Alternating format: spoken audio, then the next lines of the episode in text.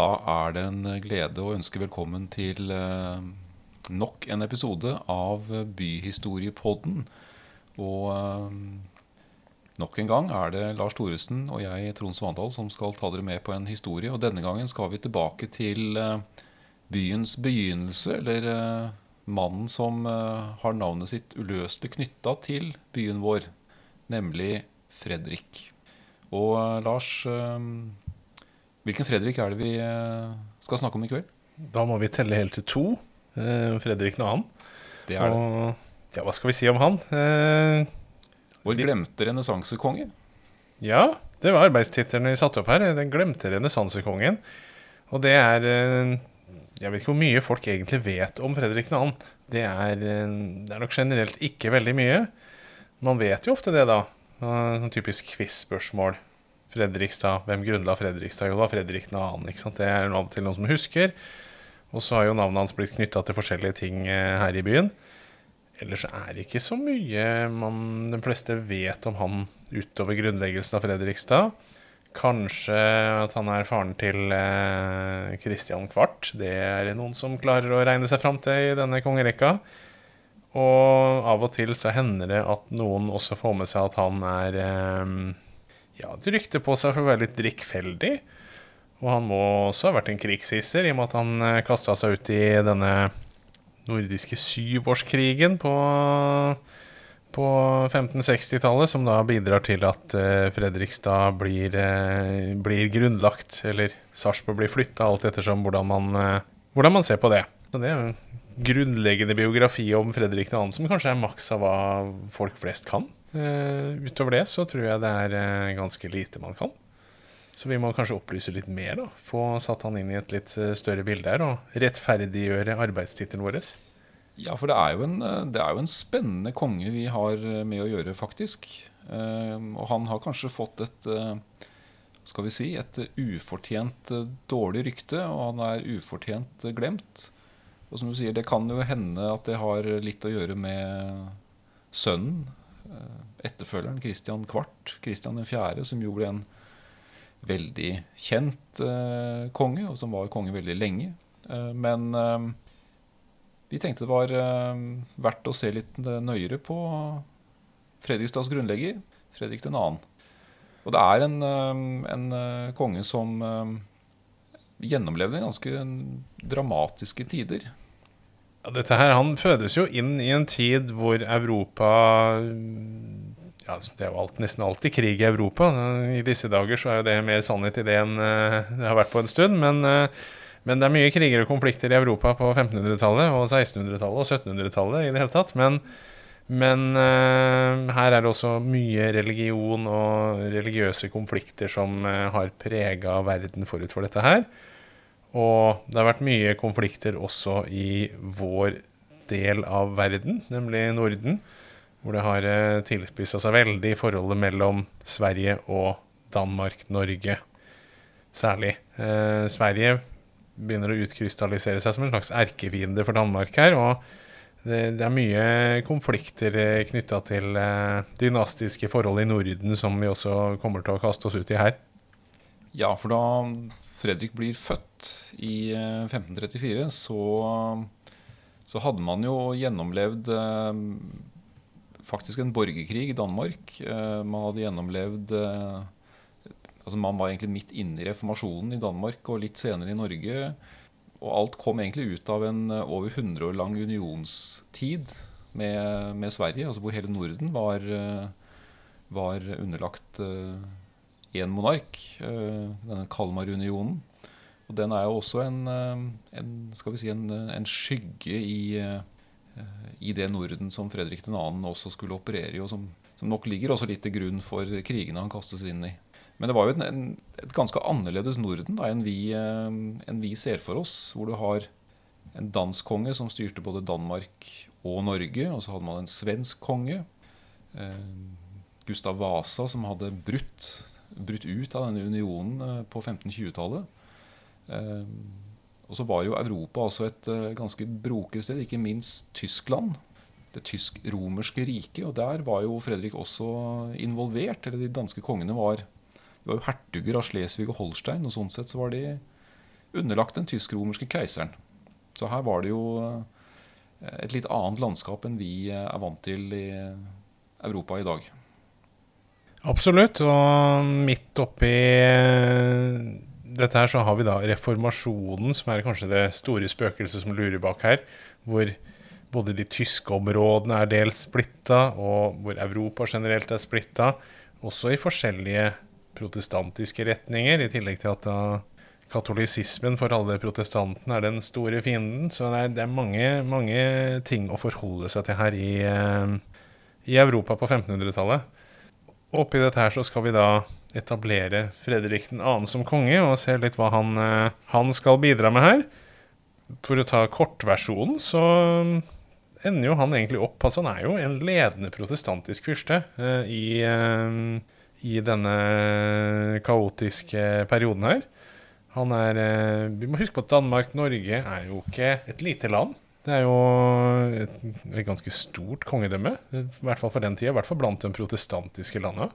Det er Danmark og Norge, dagens Danmark og Norge, pluss en god del av Sverige. Skåne, Bohuslän, flere andre områder som i dag tilhører Sverige, som da er eh, en del av dette riket. Det er Slesvig og Holstein, som du nevner også visse interesser borti Østersjøen, borte mot Latvia, Livland, som det heter på den eh, tida her. Og, uh, og også øyene i Nord-Atlanteren. Island, uh, Færøyene, som fortsatt da tilhørte Norge, men var jo da underlagt den danske kongen. Og så hadde man, hadde man et vagt minne om at de også hadde vært på Grønland. Men der, der var det ingen som hadde vært siden 1400-tallet. Så det var nok litt tapt land. Men så, det var jo et lite imperium som Fredrik styrer over.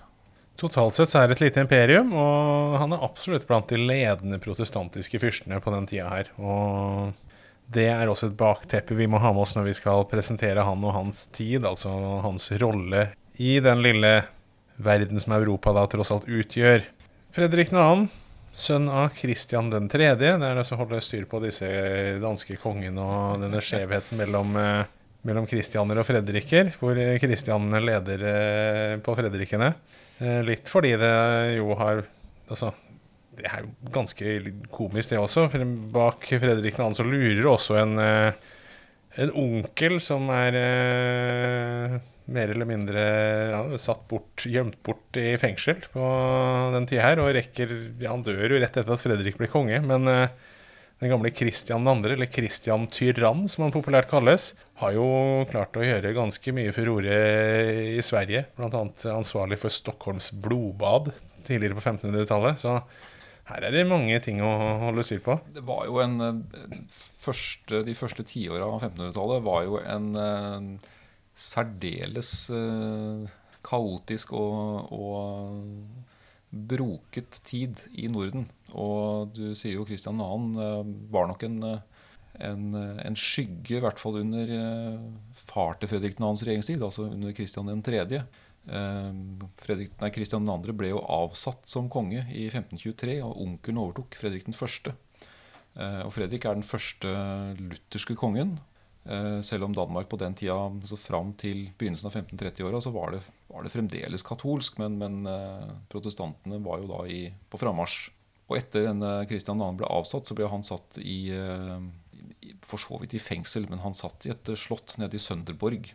Han satt under relativt gode forhold, men han var en, en skygge som alltid trua der, og trua da det nye dynastiet, som var en gren av kongefamilien eh, som hadde overtatt, da, med Fredrik 1. og Kristian 3. og Fredrik 2. Og som du sier, Kristian eh, 2. levde jo da i noen, noen uker etter at Fredrik 2. overtar. Og så, og så forsvinner han, ja. Um, og da er Fredrik 2. konge. Men før det så må vi jo si litt om oppveksten og bakgrunnen til, eh, til den godeste Fredrik. Hva, han blir tidlig valgt til tronfølger. Eh, det får eh, faren Kristian 3. sørga for når han tiltrår. Så sørger han for å få med sønnen sin inn som valgt tronfølger.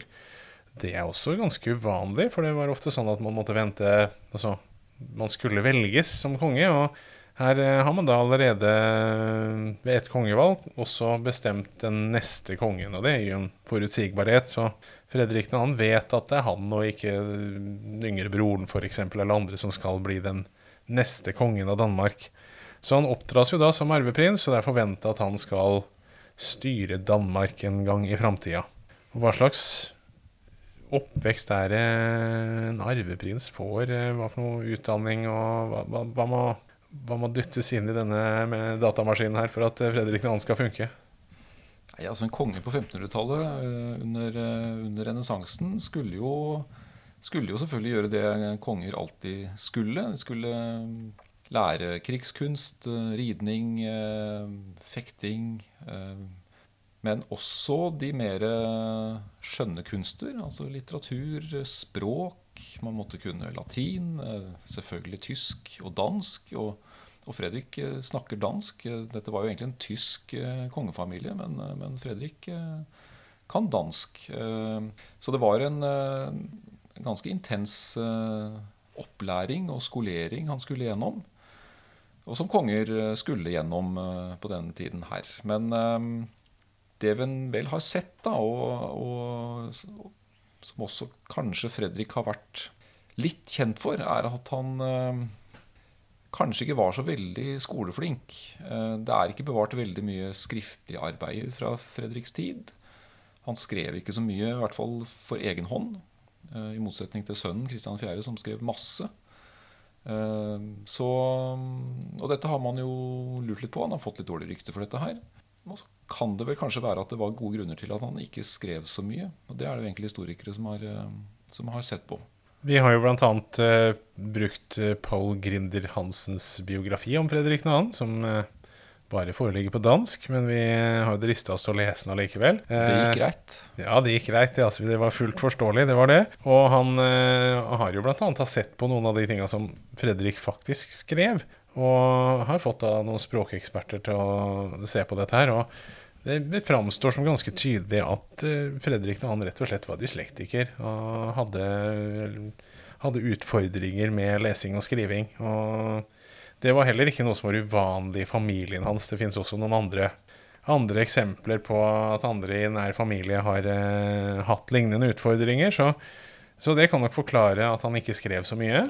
Uh, og at det han skrev, ofte gikk litt uh, på tverke. Uh, og at det satt en, da en demper da på den boklige lærdommen, og at han nok var glad i de mer fysiske aktivitetene, jakt og andre ting, som nok frista mer enn å sitte og streve med, streve med ord og bokstaver og få det i riktig rekkefølge.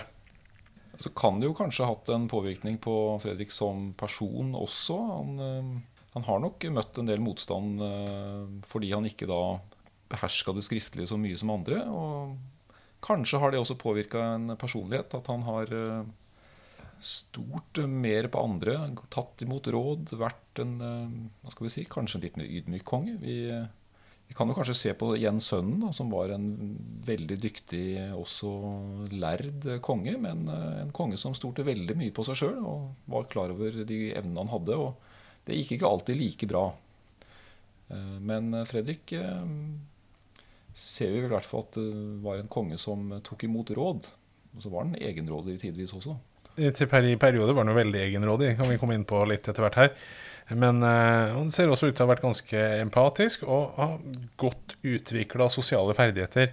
Paul Grinder Hansen, denne nevnte biografen, han ble intervjua i forbindelse med jubileumsmagasinet til Fredrikstad Blad, og der nevner jo nettopp dette her at du skal ikke se bort fra at denne ordblindheten eller dysleksien til Fredrik kan ha bidratt til at han har eh, nettopp søkt disse råda og vist gode sosiale ferdigheter og kompensert for det på andre områder. At han har vært mer opptatt av den biten av livet sitt og utviklinga si, at det er noe han har mestra mer. Eh, og at han har klart å hevde seg på den, på den måten i stedet.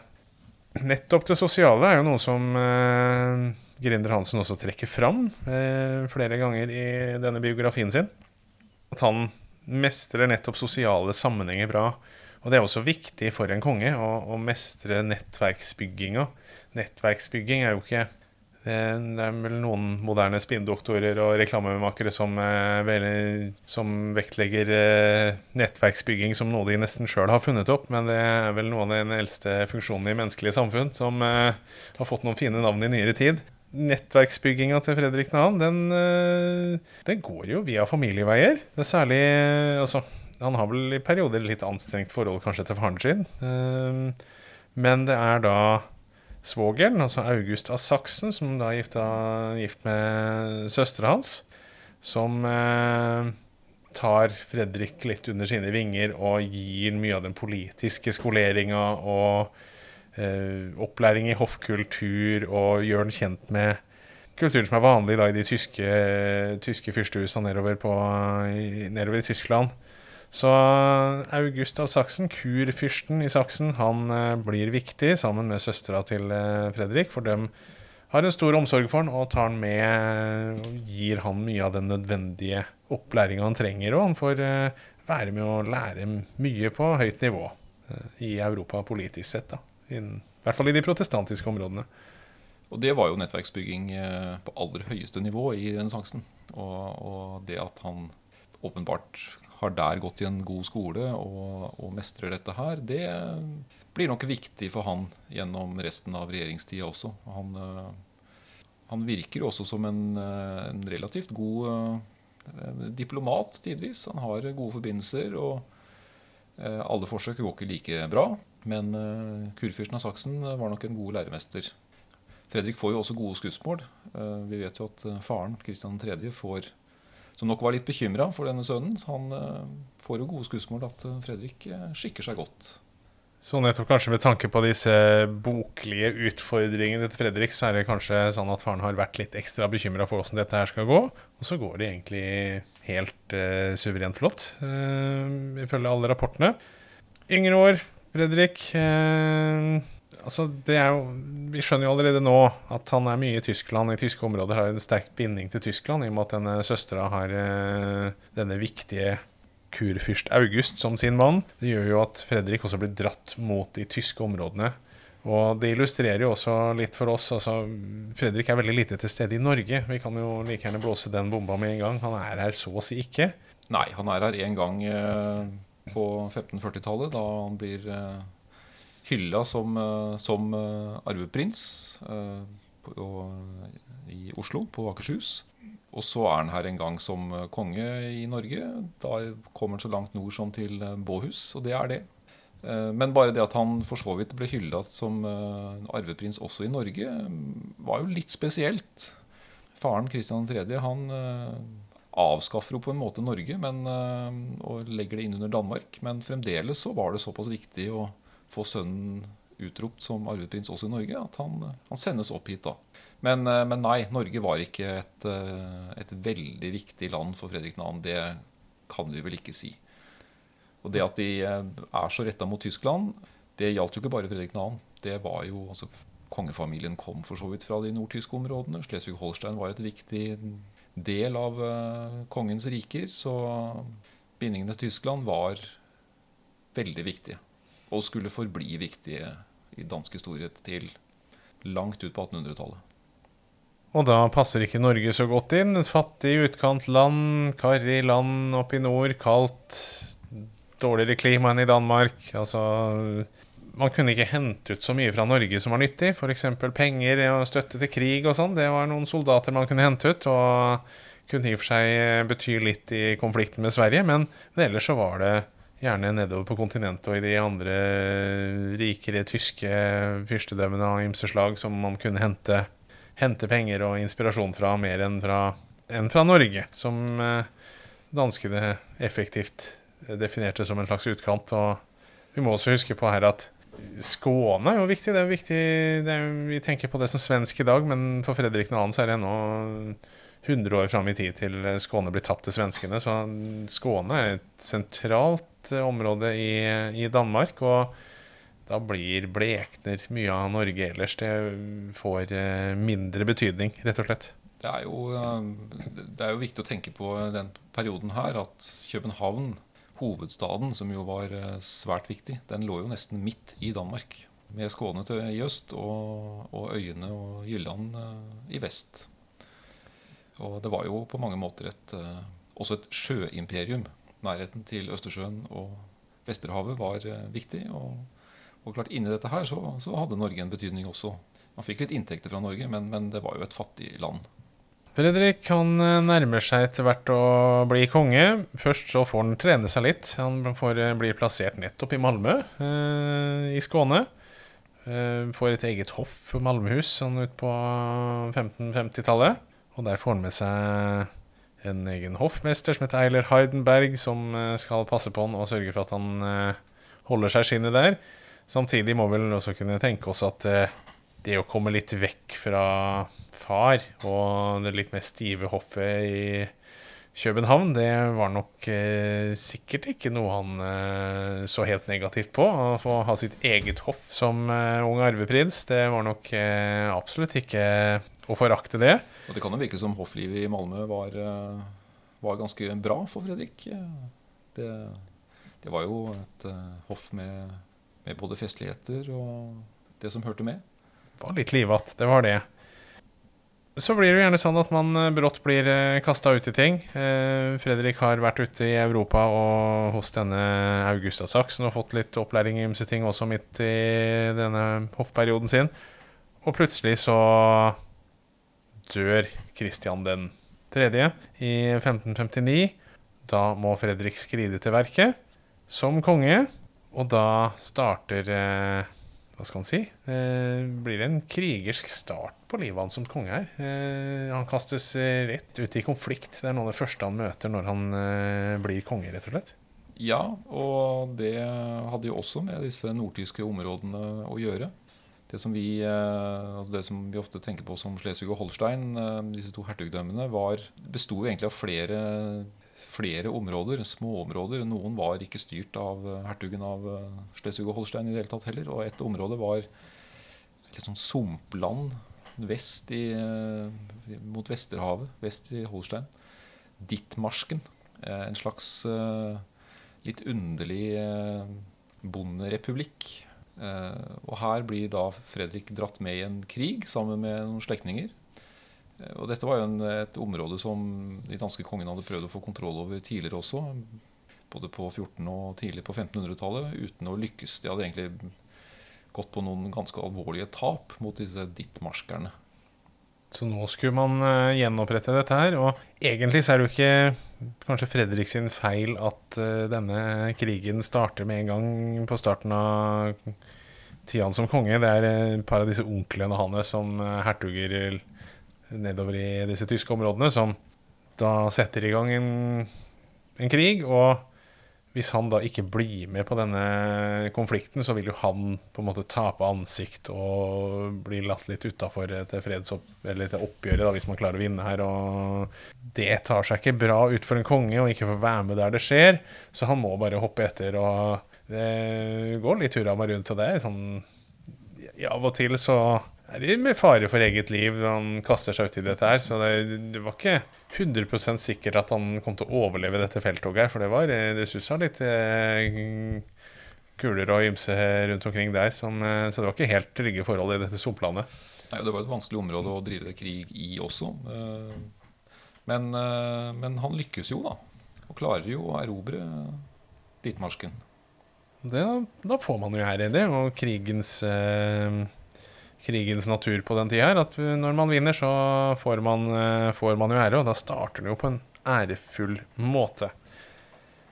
Konflikten i Ditmarsken går ganske raskt over. Det løser man ganske raskt og effektivt. Men den ordentlige krigen som kommer til å prege kongetida til, eh, til Fredrik 2., den er jo egentlig ikke den konflikten er jo ikke i gang ennå ordentlig. Eh, Konflikten er i og for seg i gang, men selve krigen er jo ikke i gang. Fordi det er jo noen i et naboland som gjerne vil ha et ord med i laget om makta i Norden. Og det er jo selvfølgelig svenskene. Ja, for det året Fredrik blir, eh, blir krona til konge i 1560, så overtar også fetteren eh, tronen i Sverige, nemlig Erik den 14., og de to skal ikke komme til å ha noe godt forhold seg imellom. Eh, Og her igjen så er vi inne på den gamle uoppgjorte unionsstriden. og en av stridighetene jo, kan jo virke ganske underlig for oss, men det var og slett bruk av eh, rikssymboler i våpenskjold og flagg, hvor den svenske kongen eh, ønska å bruke både danske og norske riksvåpenet. Han hadde store ambisjoner, og Fredrik hadde jo like store ambisjoner. Eh, og er vel en én årsak til at man til slutt kommer i krig med hverandre. Og faren til denne Erik den 14. er jo da den ikke ukjente båtbyggeren Gustav Vasa, eller Eller noe sånt. Eller noe sånt. ja. Og som jo var den kongen som, som, jo da overtok etter at man i Sverige avsatte Kristian den andre, Kristian Tyrann, og egentlig da og, og, brøt med hele denne Kalmarunionen noen år tidligere. Og Kristian Tyrann har vel da bl.a. drept foreldra til Gustav Vasa, så her er det ja, og et, ondt blod. Titalls andre svenske høyadelige og en hel del andre på torvet i Stockholm. Så dette var en, eh, her, her var det mye ondt blod og mye grobunn for konflikt. Og den blusser jo for alvor ut da i 1563, da krigen bryter ut. Og Det er jo grunn til å tro at Erik den 14. av Sverige har fått god opplæring i danskehat av sin far. Det virker i hvert fall sånn. Den nordiske syvårskrigen starter da, typisk nok, i krigsmåneden mars. Eh, historisk sett så starta romerne kriger i mars, og sikkert andre folk som også har drevet mye med krig fra mars. Og det er vel egentlig Fredrik 2. som går til angrep på, på svenskene. Det er jo det, og et, eh, for så vidt et eh, planlagt felttog. Han, eh, han leier inn en stor, stor hær med tyske leiesoldater. Og tenkte vel at dette skulle være et kort og effektivt felttog hvor svenskene skulle overrumples og overgi seg. Eh, og kanskje kunne han klare å gjenopprette den eh, nordiske unionen. Det har nok vært en, eh, en del av planen. Men sånn skulle det ikke gå. Ja, for de holder jo på helt til desember 1570 før man endelig er ferdig med denne nordiske syvårskrigen. For den varer jo i syv år. Den varer i syv år.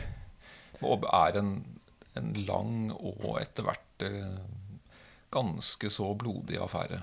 Det er en alvorlig krig eh, som da både rammer eh, Sverige og Danmark, særlig da Skåne, og ikke minst også Norge, som blir en del av krigsområdet. Eh, danskenes store utfordring er at de ikke har så noe særlig stor stående her. Eh, de er avhengig nettopp av å leie inn disse tyske leiesoldatene. Fordelen for Fredrik er jo selvfølgelig at han har gode forbindelser nedover på kontinentet, til, altså nedover i Tyskland, så han kan jo hente inn mange tyske leiesoldater. Men leiesoldater de jobber jo ikke akkurat gratis. Det de, er dyrt. Svenskene fører en billigere krig med mer egen, egendyrka soldater. Så for svenskenes del så handler det egentlig her i krigen om å holde litt ut. Og, så, og sånn sett så vil man kunne tyne statskassa til Fredrik. Så det å holde ut litt her, det vet Erik den 14. at det vil antageligvis eh, antageligvis tappe danskene for både krigslyst og penger og muligheter til å drive krig. På den andre side så driver jo Fredrik 2. og vet at eh, Erik den 14. han har litt utfordringer med sin egen familie. Det er ikke alle som er like fornøyd med Erik den 14. i kongerolla. Og blant annet så får vel eh, Fredrik lånt litt penger av en annen fetter og sånn til å drive krig og sånn, så det, er, det, er, jo litt sånn Det er nær familie, og samtidig som det er eh, Samtidig som det næres mye hat her òg. Så kaotisk på begge sider, må man kunne si, i perioder. Det er jo midt i denne krigen, da, i 1567, at uh, Erik 14. for alvor prøver å erobre Norge. Da får vi jo disse berømte angrepene på både Hamar og Oslo og og i eh, smålenene, Østfold, som jo da ender med nedbrenning av Sarpsborg, og borgerne velger å flytte byen. Det er vel også en historie der med at det er noen danske leie, altså leiesoldater, antageligvis tyske leiesoldater også i Sarpsborg, som gjør en ganske dårlig jobb med å forsvare byen når svenskene kommer der. Ja, det er, det er en beskrivelse av, og det, det, rimer nok godt også med den, eh, det, det vi kjenner da til måten danskene drev krig på. Og det var ikke store danske styrker eh, generelt i Norge. Og vi kjenner fra samme, samme krig så erobra svenskene Trøndelag. Og der måtte man til slutt bruke norske bondesoldater, og lykkes for så vidt med det etter hvert. da. Så vet jeg ikke om nordmennene var sånn veldig engasjert i denne krigen her i utgangspunktet. Om de så på det som noe krisehavn under Sverige, egentlig? Eller eh, hadde man noe sterkt forhold til det? Nei, det hadde nok ikke. Og særlig liksom Østlandet, grenseområdene mot Sverige, er nok mye som tyder på at uh, befolkninga her like gjerne kunne, kunne, tilhøre en annen konge enn uh, den danske kongen. Og, og de har vært, det har vært nære forhold, uh, tette bånd over grensene her i mange hundre år. Også før dette, før dette, her. Til slutt så kommer vi fram til 1570. Da har Fredrik 2. kanskje noe uforvarende grunnlagt Fredrikstad. Jeg vet ikke hvor sterkt forhold han har til grunnleggelsen av Fredrikstad. Sannsynligvis veldig lite. Ifølge biograf Paul Grinder Hansen så har han antageligvis bare blitt forelagt litt papirer og godkjent eh, dette her. Flyttinga i husklynge på noen hundre mennesker. Det var neppe noe han tenkte veldig mye på i 1567. Tenkte dog visstnok en del på både jakt og bibellesning og drikking, for han måtte drukne litt sorger innimellom og glemme at han var i krig og at det ikke gikk så bra alltid. For det er klart, det røk med noen, eh, røk med noen statsbudsjett ekstra i løpet av 1560-tallet her på, på krigføring. Han måtte pantsette noen len. Det var ganske det var ikke så moro eh, Nei, hele tida, tror jeg. Det, det, det var en eh, svært kostbar krig etter hvert. Og selv om Fredrik hadde jo store inntekter, ikke minst denne Øresundstollen. Altså Tollens skip måtte passere når de skulle gjennom Øresund. Men, eh, men det var ikke nok til å, til å, betale for dette her. Samtidig så gikk det jo ikke så veldig bra for Erik den 14. etter hvert heller. da. Så han øh, virker nok å ha vært ganske ustabil. Og det tiltok nok under krigen også. Og det ender med at han blir han blir rett og slett avsatt. Det blir han, og da ender man til slutt med Stettinfreden i, eh, i desember. Lucia-dagen 1570, så avsluttes krigen her. Eh, det var nok egentlig kanskje til og med litt mot Fredrik 2.s vilje, for han gjorde et siste framstøt våren 1570 på virkelig å få samla penger og satte hardt mot hardt mot disse stormennene som ikke ville være med på å føre krigen videre, og hadde lyst til å kjøre på her. Så eh, hvis vi senere i programmet kommer til å danne, prøve å skape et litt fornuftig bilde av Fredrik 2., så, så det klart at eh, akkurat i denne krigstida her så gjør nok av og til noen litt overilte beslutninger, eller tar noen beslutninger som ikke er helt gode, og er ikke like fornuftige alltid. Men vi er jo fremdeles i en tid hvor kongen ikke var eneveldig. Han hadde et uh, riksråd bestående av høyadelen, og han var også helt avhengig av deres støtte.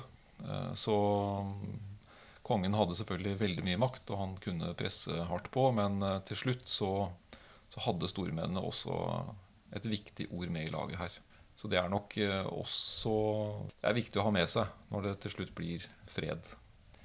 Eh, og så kan det nok hende at det var et noe bedre forhold med den svenske, nye svenske kongen. Ryktene går om det, ja. Eh, om at forholdet mellom Som ikke var bestevenner, så i hvert fall fungerte forholdet mellom eh, Johan 3. og Fredrik 2. ganske godt etter hvert. Eh, en av de mindre konfliktfylte periodene mellom nettopp Sverige og Danmark får vi faktisk sånn historisk sett i de påfølgende åra. Så da roer det seg litt ned når man blir kvitt denne Erik den 14., som antageligvis hadde fått eh, en eller annen form for diagnose i dagens helsevesen. Altså, dette er jo vi, vi, kan jo ikke slippe Erik den 14. og Fredrik 2. helt ennå. Fordi krig, den føres jo på alle fronter, og i krig og kjærlighet er alt lov. Og her kommer vi kanskje til det mest, altså, de mer spennende, litt sånn spektakulære delene av eh, livet til Fredrik 2. Det er jo nettopp eh, kjærlighetslivet hans og kampen om, om kjærligheten. Et pikant eh, trekantdrama. Det hadde jo tidligere blitt lansert noen alternativer for Fredrik 2. Blant annet så prøvde man å få, få ordna i stand et ekteskap med noen av slektningene, altså etterkommerne, altså til altså barnebarnet til Christian Tyrann blir det vel dette her. Eh, han hadde to døtre, som hadde, og den ene av dem hadde da noen unger, som holdt det nede i Lorraine, eller Låtringen, som det ville blitt kalt i tyske områder. Eh, I de katolske områdene i eh, grenseområdet mellom de tyske og franske områdene i Europa. Man prøvde å få gifta han bort til en av disse jentene der nede. det gikk ikke så bra. Han store kjærlighet tidlig på han her var vel egentlig ikke noen utenlandske dynastiske arvinger, men uh, dattera til hoffmesteren hans, uh, Eiler Hardenberg, Anne Hardenberg, det var et uh, langvarig kjærlighetsforhold mellom Fredrik Nan og denne Anne. og men det var nok ikke en god nok match for en, en ledende monark i Nord-Europa på den tida her. Nei, så det holdt ikke. Så de holdt et godt vennskap videre og sånn, men, men det kunne ikke bli noe ekteskap der. Da må man satse litt ellers, da må man se litt hva annet man kan uh, stable på bena her. Og noe av det heteste man kunne få tak i som monark, mannlig sådan, i Europa på uh, den tida her, det er jo en britisk dronning, rett og slett, etter hvert her. Altså Elisabeth den første. Selveste Elisabeth. Jomfrudronninga, som gifter seg jo aldri, men både Erik den 14. og Fredrik 2., og selvfølgelig en drøss med andre mm, kongelige rundt omkring i Europa, gjorde framstøt overfor Elisabeth den eh, første. Det er jo en pikant konflikt mellom Erik og Fredrik om å framstå som, som de beste beilerne her. Og de hadde jo gode kort. Eh, Fredrik var jo en stor, eh, ledende protestantisk konge. Med en, eh, med et god eh, familiehistorie og et, eh, et rikt kongedømme. Og prøver seg jo. Sender i hvert fall diplomater til, til London for å prøve å få det til. Men Helt det gjør. Erik også. Det gjør Erik også. Og denne Erik den eh, 14. er jo Altså, Svenskene gjør kanskje Jeg vil si de gjør en bedre kampanje, kampanje kanskje enn eh, Fredrik 2. i perioder. Historiens makt er jo vi som historikere litt opptatt av, og svenskene kjører full pakke her og har da bl.a. fått skrevet et nytt eh, historieverk som presenterer den svenske historien. Og jeg skal, eh, jeg må, skal sitere litt fra den tidligere nevnte Fredrik 2.-biografen. Og her er det da Svenskenes versjon av historien er jo da at uh, svenskene Altså det er en som heter Johannes Magnus, som uh, skriver denne historien, som de da skal bruke som reklameskrift overfor uh, britene. Han nøyde seg ikke med å lovprise svenskene som verdens eldste folk, med avstamning fra Noas sønnesønn Magog, som kom til Sverige i år 88 etter syndefloden. Han skildret også svenskene som edle, tapre og rettferdige, mens danskene gjennom hele historien var fremstillet som en flokk feige, grusomme og skvattede undermålere.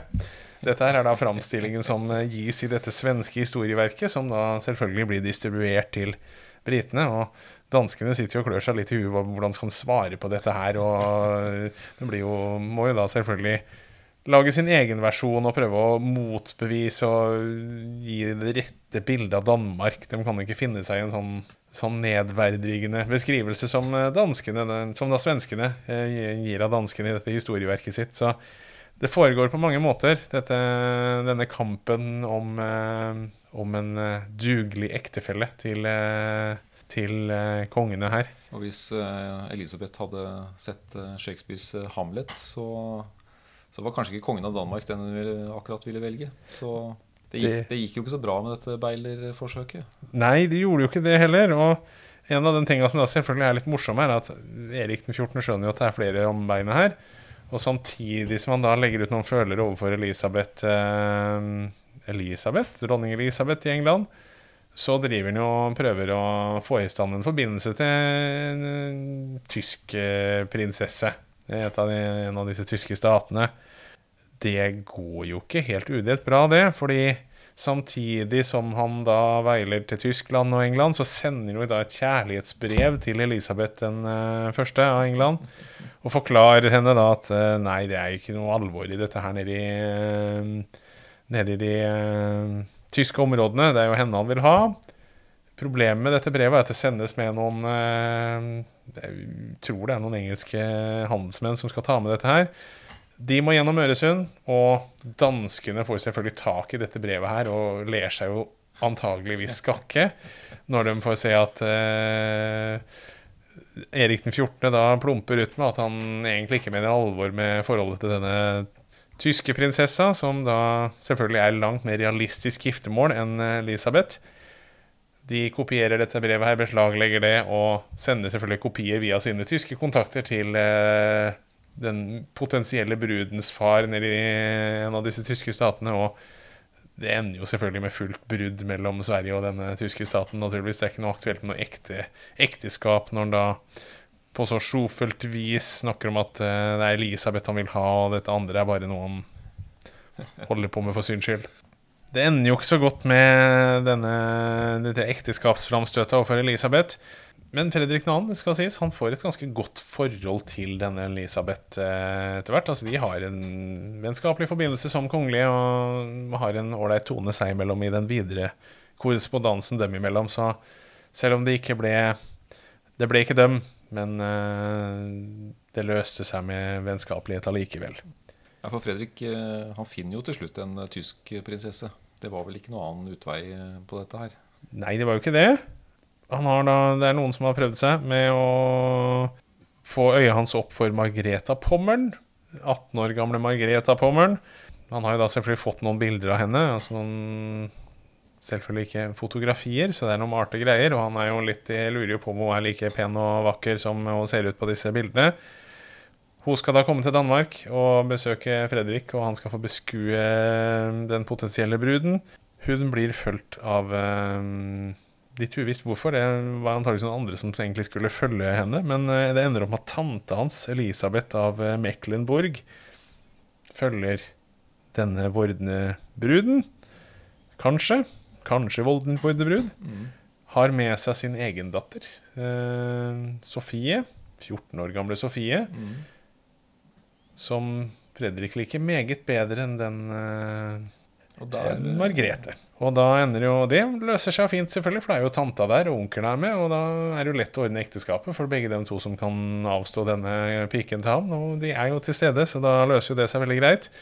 Eh, Margreta Pommern er sikkert ikke like happy med dette her, men eh, han ender opp da med sin eh, kusine Sofie, og de gifter seg til slutt da med stor pomp og prakt. 20.07.1572. Og for Mecklenburg så må jo dette her ha vært et, eh, et eh, en veldig god uh, forbindelse. Helt sikkert en veldig god forbindelse, og en forsterking av familieforbindelsen i og med at det jo er tante og onkel som uh, avgir, avgir, bruden her. Så det er familie. Og ikke minst 14 år. Men nå rekker å bli 15 før hun gifter seg, da. Ja. Det, det var 1500-tallet, dette her.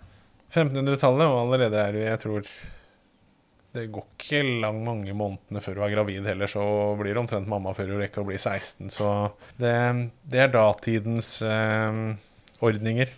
Ja, og det rekker jo å bli ganske mange barn også. Eh, en av dem blir eh, tronfølger. En av dem blir tronfølger. Christian Kvart er han ofte kjent som i Norge. Han er, han er mye i Norge. Han er mye i Norge. Han er den eh... Norskeste av de danske kongene? Ja, det må vi si. De uh, etterfølgerne var uh, de fleste var en tur i Norge, men uh, Christian Kort var mange ganger i Norge. Han reiser vel til og med opp langs hele norskekysten på ekspedisjon? gjør det ikke det? Han jo, han er uh, til og med i uh, Vardø og inn mot Kola på en veldig lang ekspedisjon. Og, reiser vel litt inkognito for ikke å risikere å bli tilfangetatt av andre og sånt. At han gjemmer seg i en eller annen under en eller annen grad som en eller annen type offiser eller noe. Eh, at det offisielt ikke er han som reiser, tror jeg, på noen av de mest farefulle delene av ferden her. Men eh, Nei, det kan nok hende var lurt.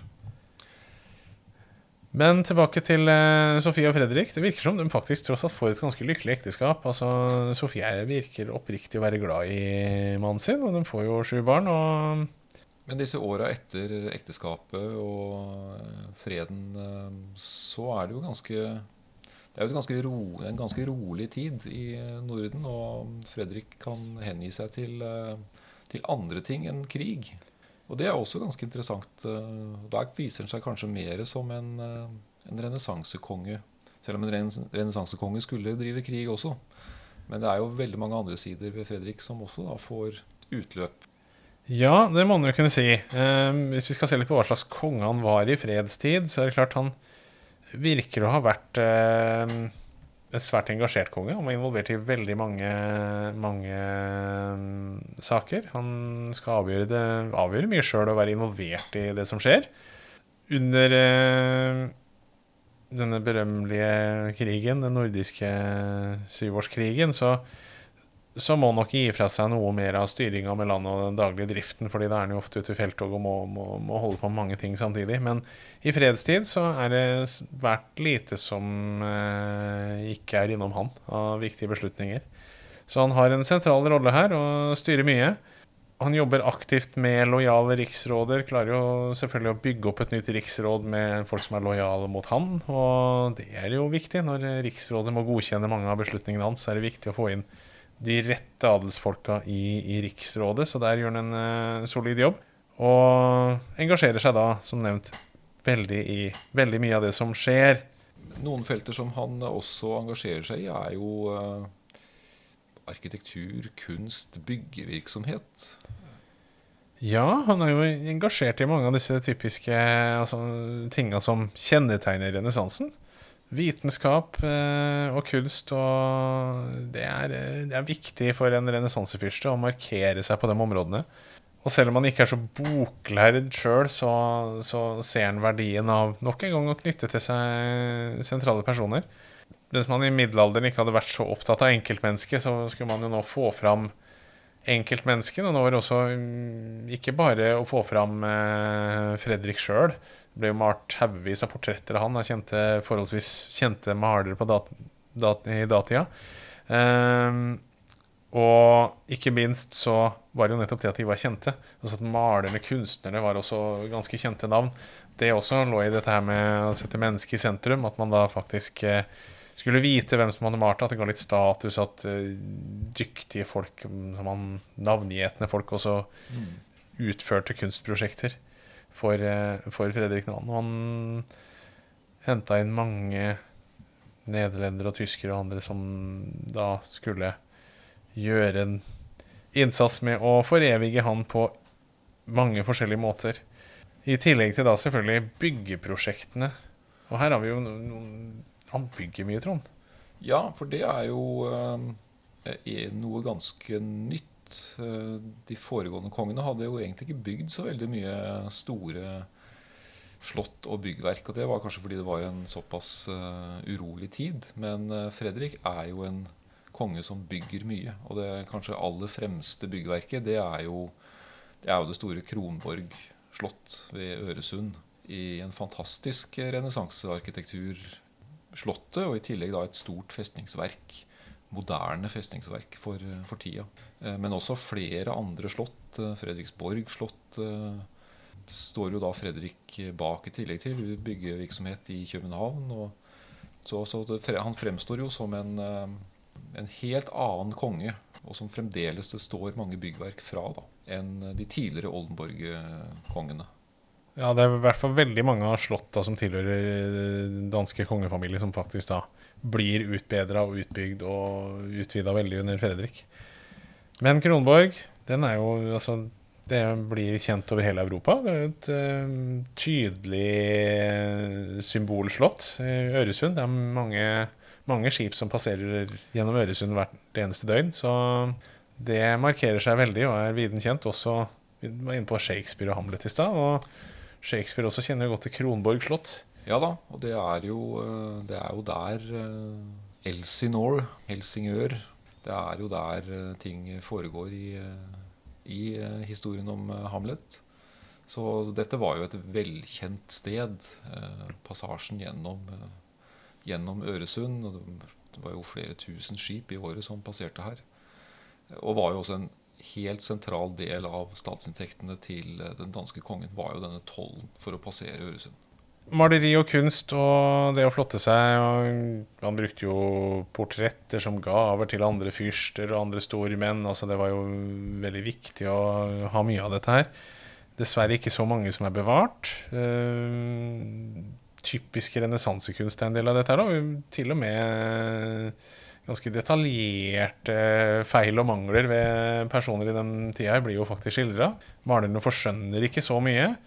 Jeg tror Fredrik, et av de mer kjente portrettene, også er avbilda med en vort over det ene øyet, f.eks. Altså, det er en ganske naturtro kunst. Altså, vi har jo sånn sett antageligvis en ganske i hvert fall forholdsvis realistisk eh, versjon av Fredrik Nahan når vi ser en del bilder av han som passer godt inn i renessansen. En annen ting som passer godt inn i renessansen, er jo nettopp vitenskap. Han støtter mange studenter og vitenskapsmenn, men det er særlig én som utmerker seg her. Ja, det er jo den store Tycho Brahe, astronomen og vitenskapsmannen som, eh, som jo eh, Fredrik eh, har et veldig nært forhold til. Tycho får jo en egen forlening, denne øya Ven, hvor han bygger et observatoriet sitt. Uh, Uranienborg. Uh, og, og, det er klart For Fredrik så, så var det også prestisje å ha en så velrenommert uh, vitenskapsmann hos seg i sitt rike og tilknytta seg og sitt hoff. Men det kan nok også være at Fredrik hadde en genuin interesse for det Tycho Brahe drev med. Og Tycho Brahe er jo også en som, som, som skaffer kontakter, og også skaffer andre til Fredrik. Og det, det har nok også vært viktig.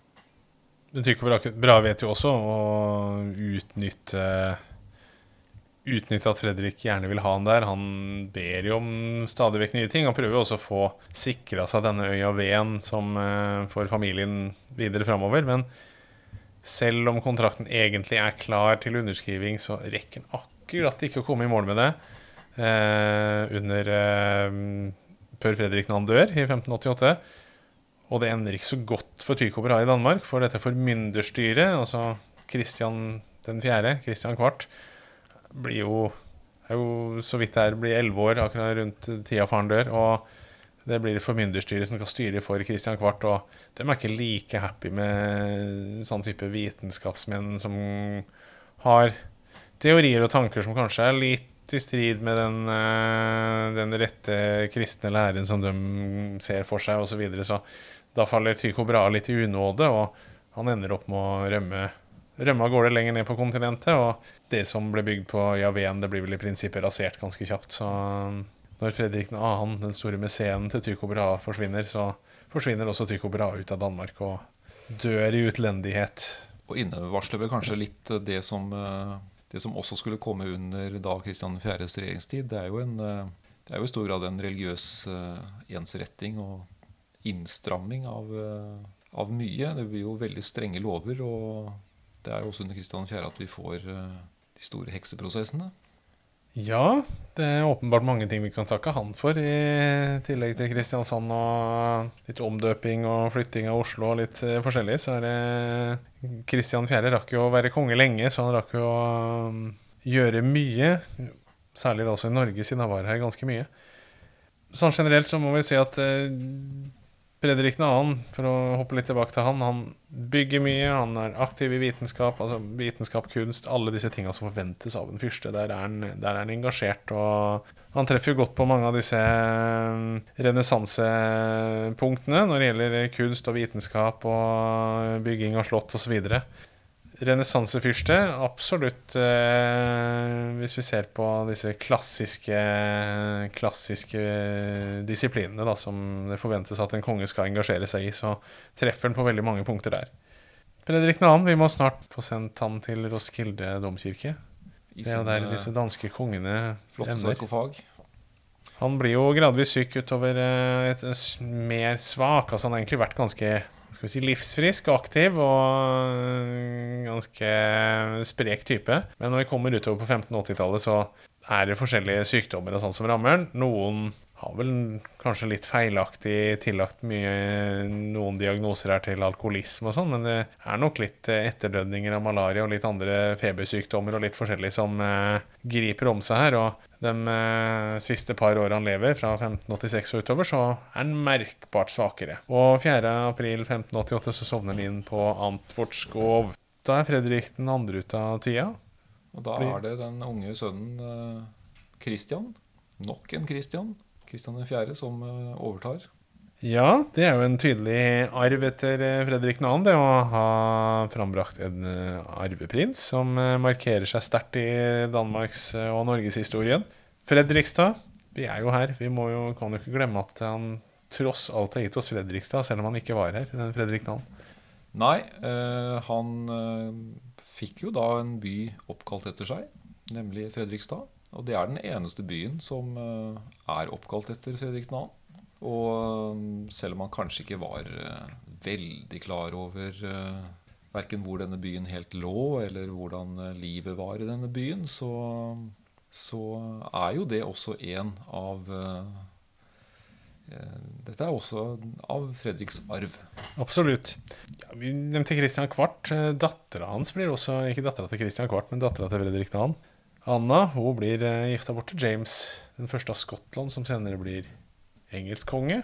Ja, Så- Og den som overtar etter eh, Elisabeth den første, Ikke sant? Og han er vel da sønnen til Maria Stuart, er han ikke det? det er den. Som også var Det var noe snakk om noen ekteskapsplaner for noen tvister der òg. Ja da, så, så her var det jo tette bånd, og det er klart det var ikke så langt over Nordsjøen. Så, så båndene her var, var tette. Og en liten eh, artig historie om denne Anna var jo at eh, hun skulle da til, eh, til Skottland. James var jo konge av eh, Skottland. Men de kommer utfor en storm og må da søke, søke ly i Oslofjorden. Så de, ekteskapet deres bekreftes da i Oslo. Før de da kan reise videre over, over sjøen til, til Skottland. Og James kunne fortsette å være konge der. Det er vel året etter at Fredrik 2. går bort, og ennå har ikke Kristian 4. rukket å døpe om Oslo til Kristiania, så det ble jo Ekteskapet ble bekrefta i Oslo, faktisk. Det sånn. Navnemessig også. Da er jo danskene tilbake litt eh, i forbindelse med England igjen, som jo tidligere har styrt eh, tidligere kongene.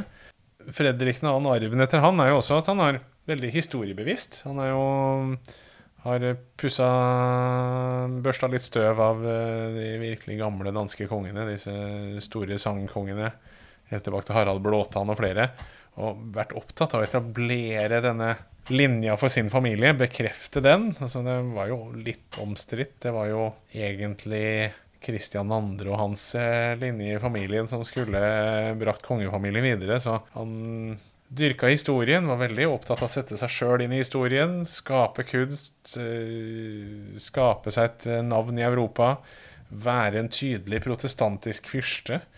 Prøvde å bygge litt bro mellom forskjellige protestantiske retninger. Mulig han hadde lært av syvårskrigen eh, at krig ikke var så gøy, at eh, orka ikke noe mer konflikt, så han prøvde vel da å dempe en del motsetninger og prøvde å framheve det som samla den eh, protestantiske siden i Europa. Så det er også en del av arven etter, etter eh, Fredrik 2., at han prøver å bygge opp en linje for sin familie, en tydelig historie for sin familie, etablere sin del av familien som eh, den ledende familien, den kongefamilien i Danmark. At det er også en viktig jobb han gjør i løpet av sine år som konge. Så jeg vet ikke, Trond. Har vi kommet godt i mål med renessansefyrsten Fredrik 2.? Ja, og vi har vel, eh, vi har vel kommet dit hen at vi eh, kan si eh, litt med det vi begynte, den, eh, den glemte renessansekongen, at eh, han var absolutt en renessansekonge med alt det som lå i det. Men at han er glemt, det må vi vel kanskje innse at han har vært. Og så kan vi håpe at vi med denne episoden her har gjort han litt mindre glemt. Ja, i hvert fall for oss i Fredrikstad. Det er klart Det er jo ikke så rart han kanskje er litt glemt i Norge òg, for det er klart han var jo ikke her så mye. Og det er klart det er eh, Det gjør jo at kanskje ikke han så, får så mye fokus i norsk sammenheng. Han har stort sett påført oss litt lidelse og kriger, men i en større sammenheng som en konge av både Danmark, Norge, tyske områder, deler av dagens Sverige, så er han en tydelig protestantisk renessansefyrste. Fører seg som en fyrste er forventa skal føre seg. Med kunst, vitenskap, pomp og prakt. Litt jakt og litt alkohol. Og alle tinga som konger skal gjøre på 1500-tallet. Det, der eh, treffer han på mange av disse punktene. Og renessansefyrsten Fredrik 2. Vi kan vel leve med den tittelen? Kanskje vi får sette et lite spørsmålstegn bak? Eller kan vi fjerne det? Jeg syns vi kan fjerne det. Vi fjerner spørsmålstegnet bak eh, Fredrik 2., renessansefyrsten. Trond Svandal og Lars Thoresen, vi takker for oss og kommer tilbake med nye spennende temaer i de neste episodene av Byhistoriepodden. Takk for oss.